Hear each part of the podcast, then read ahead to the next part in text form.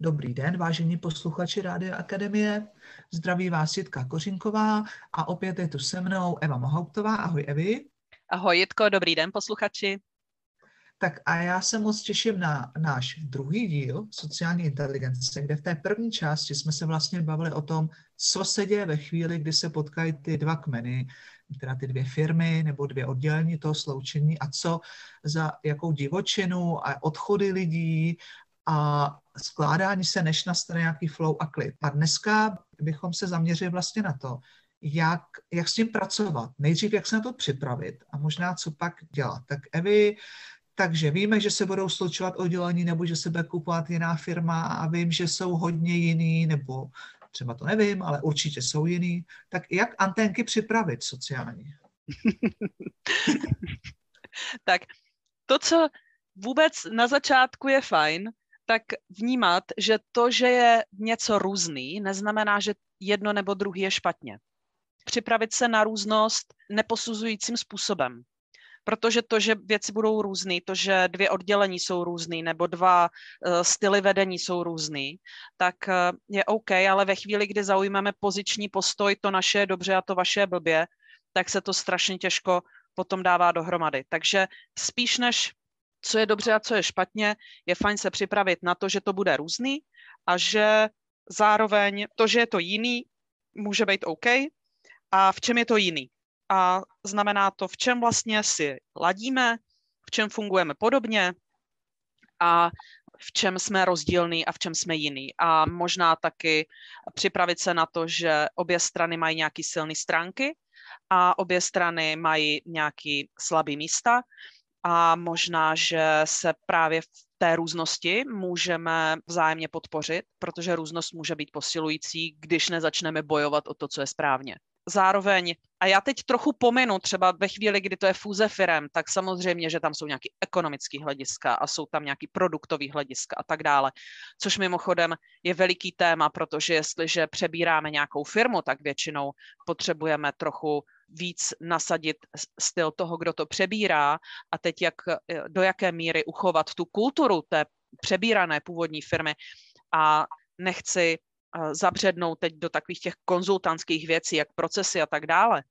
Nicméně Zajímavé je, co se bude dít, a v minulém díle jsem to nazvala jako náčelníky, s náčelníky, a co se bude dít eh, s těmi, kteří to vedou a o tom je fajn přemýšlet dopředu. Jakým způsobem budeme pracovat se strukturou, která je ta budoucí. A je fajn o tom přemýšlet ve smyslu, kdo je autoritou, jakým způsobem ta autorita se projevuje a jakým způsobem podpoříme to, aby se to sloučilo a jakým způsobem podpoříme to, aby ty autority se spíš sladily, než spolu bojovaly. A to je téma taky teritorií, kdo bude mít na starosti jaký teritorium. Mm-hmm. Tak uh, slyším teritorium, uh, to znamená rozdělení, kdo má jaký teritorium, slyším opečatnou pracovat s tím, jak je to s náčelníky, připravit se na to, že to bude různé a co je potřeba ještě dál? Mě třeba napadá, jsou tam nějaké jako cíle nebo termíny, jak je to s nima v tuhle chvíli, v té přípravě? Já vnímám, že tam je nějaká jako biznisová stránka, která samozřejmě má cíle, má produktivitu, má čísla, to je jasný. A čím víc máme jasno v tom, jak to bude vypadat, tím líp. A co je, co je must ve smyslu, tohle je jistý, že se bude dít, a kde jsou ty území, nebo kde jsou ty témata, kde si říkáme, fajn, na tohle potřebujeme dát dohromady, tohle potřebujeme spolu vytvořit. Protože ve chvíli, kdy je to celý daný na začátku, přesně jak to bude vypadat, tak tím hůř se absorbuje ta druhá strana. Takže některé věci je fajn, když se spolu vytváří. Některé věci a můžeme diskutovat spolu. Je tam velký téma hodnot, co je pro koho důležitý. Když to zase vezmu na, ať jsou to firmy nebo oddělení, tak máme nějaké standardy našeho fungování, nějaké hodnoty. Umíme ty hodnoty popsat, umíme si říct, které ty hodnoty máme stejný a ve kterých hodnotách se třeba lišíme. Jsme schopni normálně konstruktivně se bavit o tom, jak se lišíme a co s tím budeme dělat, protože někdy je to, že třeba se to zakáže, bavit se o rozdílech. A pak se to těžko řeší. Mm-hmm, takže ty vlastně mluvíš o tom, si začít srovnávat hodnotový žebříček a srovnávat nějaký jakoby nový set pravidel, jestli ti dobře rozumím. Mm-hmm. Mm-hmm. A pokud by jsem něco doporučila, tak někdy si jen tak třeba sednout na poradu a vnímat, jak to na ní funguje, tak vám může dát hodně informací o tom, co se vlastně děje.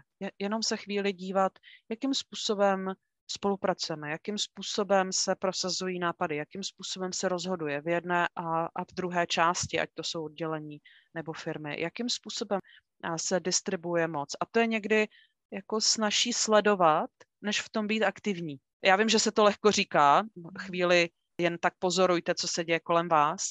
Nicméně dávám to hodně dat a to jsou ty antenky. To jsou ty antenky sociální inteligence, kdy když neodsuzujete ty věci, které vidíte, jako že bychom rovnou je hodnotili, co je dobře a co je špatně, ale jenom to vnímáte, tak najednou zjistíte, že je to vidět, že je to znát, co se vlastně děje v téhle kultuře. A z toho potom vyplývá, jak moc se lišíme, v čem jsme vlastně, v čem jsme vlastně podobní a kde se to bude propojovat s nás a kde potřebujeme se nad tím zamyslet.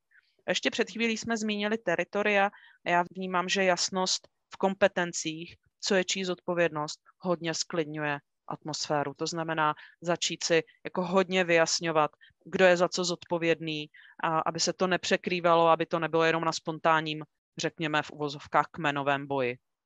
Hmm. Ale to taky znamená, aby teda bylo jasno, kdo je náčelník, který náčelník má jakou roli, kdo má jakou roli, kdo... A to se ještě dokáže představit, že je vlastně spoustu vyjasňování. Mm-hmm. A ještě mě Evi napadá, nebo pořád mi to tam skáče, tak to řeknu, že vlastně mi přijde, že se tady propojeme i tou s adaptační inteligencí. Že jedna věc je jakoby někoho přijmout, jako přijímání nějaké různosti, dívání se, jak funguje někdo jiný, ale zároveň mi přijde, že je tam potřeba některé věci změnit a přizpůsobit se. Nějak se mi to tady pořád překrývá. Je super, že to zmiňuješ, protože to, co dost pravděpodobně vznikne, pokud to dovolíme, a, a co je zdraví, aby vzniklo, tak vzniká nová kultura, že to není tak, že se jedna kultura přizpůsobuje druhé kultuře, ale my můžeme vytvořit něco, co je propojením naším a co je, co je nová kultura pro obě strany a vzniká to z toho propojení. Protože ve chvíli, kdy jenom nutíme jednu stranu, aby se přizpůsobila, tak tím víc odporu získáme. Takže to nový je to adaptační. A to, co je důležité, a já to mám moc ráda na adaptační inteligenci, je, co z toho starého je super, když zachováme, protože je to cený, protože je to vklad, protože je to silná stránka, co potřebujeme uchovat, uchránit a neznamená to, že se všechno jenom sjednotí, ale že se třeba v něčem uchová různost.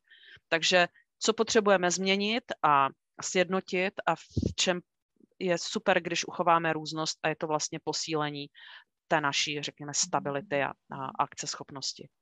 Takže vlastně, co změnit, co změnit, co sjednotit, co uchovat a co udělat úplně jinak.